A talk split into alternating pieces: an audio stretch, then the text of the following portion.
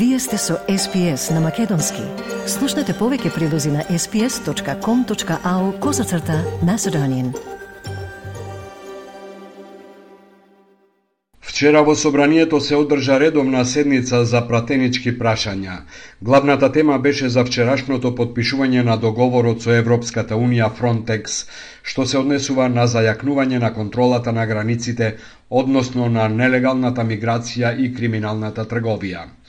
Договорот беше подпишан и на македонски јазик, па власта побара од опозицијата да се извини затоа што, како што рекоа пратениците од владеачката партија, македонскиот јазик е заштитен и сигурен во Европската Унија.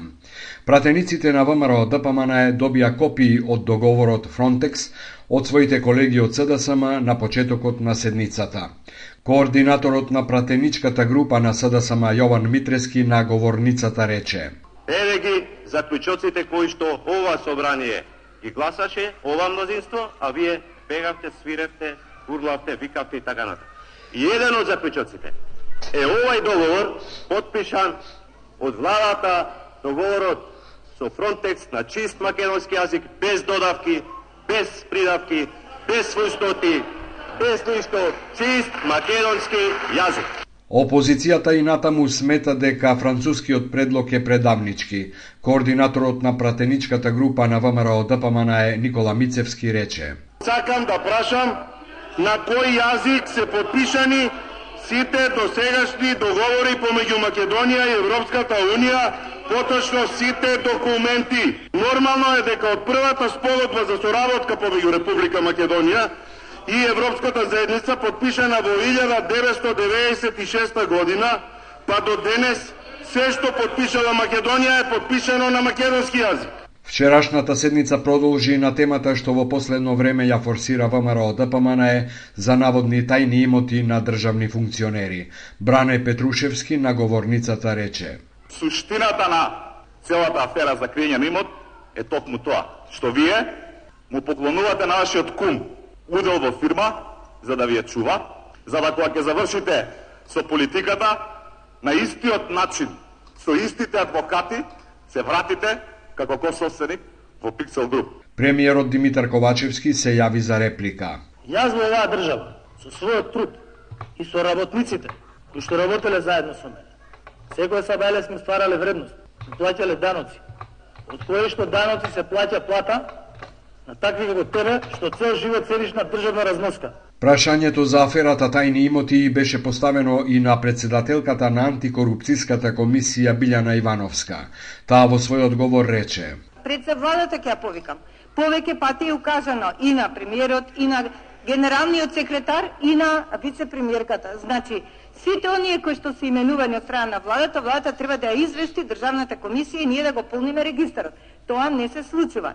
Ивановска додаде дека и покрај тоа што неподнесувањето анкетен лист се смета само за прекршок, комисијата секогаш на тоа гледа со сомнеж за можна злоупотреба.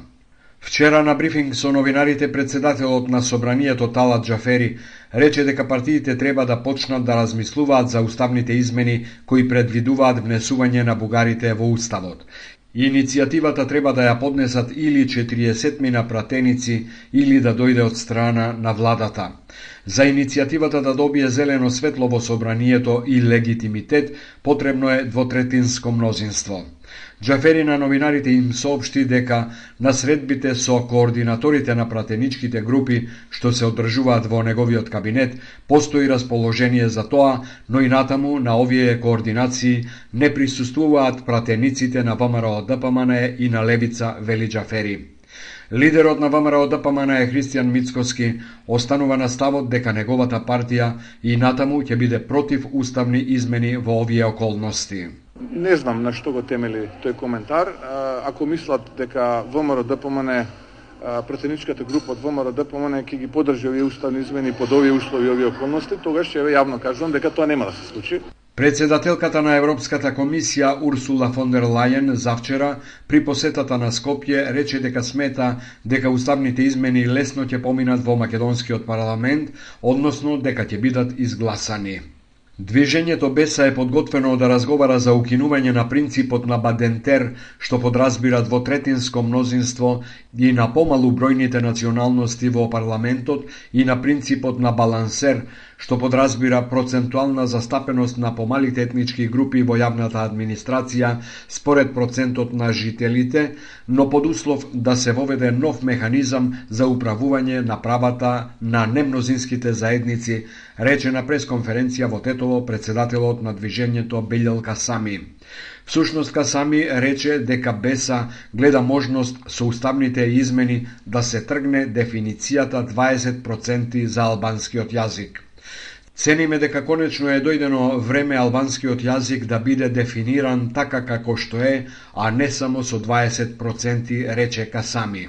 Правото на нели меѓународното и европското право не познава можност со демократски механизми да се уназадат правата на немнозинските заедници. Така да, да, сме подготвени да разговараме и за таа тема, но во правец на подобрување на правата на сите етнички заедници во Македонија, освен нели македонската етничка заедница која ја има и државотворноста и сите права Касами рече дека кога би се отворила оваа тема, би била во правец на подобрување на позицијата на немнозинските заедници.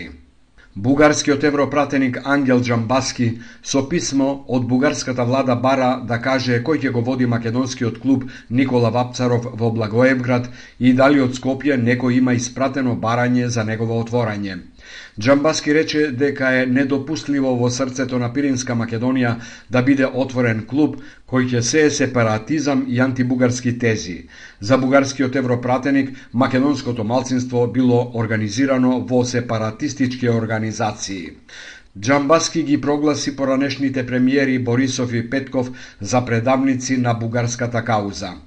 По подпишаниот договор Фронтекс и на македонски јазик, тој ги обвини и бугарските пратеници дека дозволиле легитимирање на, како што вели, лагата за постоењето на македонскиот јазик. Наспроти тврдењата на Омојлинден Пирин дека е упатена покана, македонската влада тврди дека до вчера немало стигнато покана за премиерот Ковачевски, кој без тоа уште завчера изјави дека нема да оди во Благоевград, но ги повика сите што имаат можност да присуствуваат на настанот. Лидерот на ВМРО ДПМН е пак Христијан Мицкоски, кој веќе потврди дека ќе присуствува во Благоевград, пред новинарите рече дека не очекува да има немири. Тој рече дека ќе оди за да им даде поддршка на македонците од другата страна на границата. Немаме ни антибугарско расположение, немаме промакедонско расположение. Очекувам да помине а, во духот на пријателството помеѓу двата народи, македонскиот и бугарскиот, да ги охрабриме, дека нивната матична држава Македонија стои позади нив и дека ќе ги брани нивните а, интереси и ќе ги штити нивните интереси и дека ние како ВМРО ДПМН немаме намера да се откажеме од нашите браки од таа страна на границата.